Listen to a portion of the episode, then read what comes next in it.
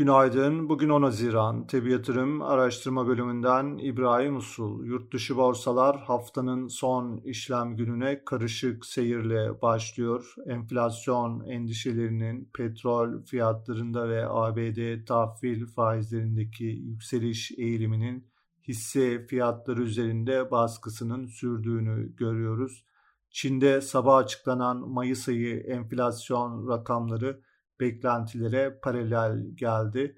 Asya borsaları bu sabah genelde satıcılı. Şangay endeksi güne başlarken hafif yukarıda işlem görüyor. Amerikan endeksleri dünkü %1.9 ile %2.7 arasındaki değer kaybının sonrasında bugün vadeli tarafta hafif yukarıda.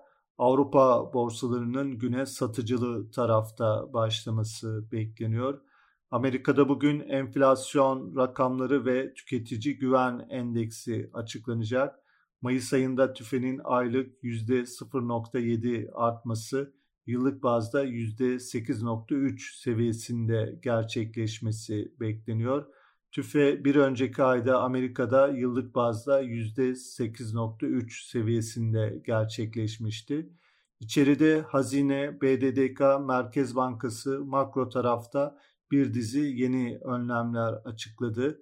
Hazine 15 Haziran'dan itibaren gelire endeksli senet ihraçlarını başlatacak. Borsa İstanbul'un haftanın son işlem gününe küresel etkiyle zayıf başlamasını öngörüyoruz.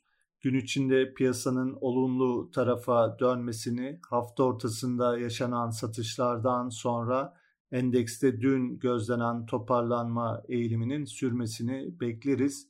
BIST endeksinde toparlanma hareketi içinde teknik açıdan önümüzdeki süreçte ilk etapta 2640 direnç bölgesinin test edilmesi beklenebilir.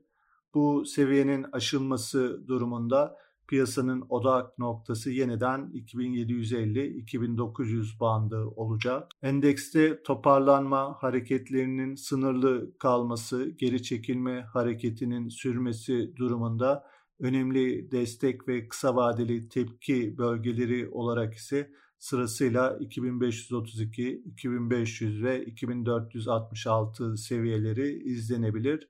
Hisse tarafında endekste olası toparlanma hareketi içinde teknik olarak Garanti Bankası, Emlak Gayrimenkul, Koç Holding, Koza Madencilik, Otokar, Özel Gayrimenkul, Türk Telekom hisselerine olumlu tarafta bakılabilir.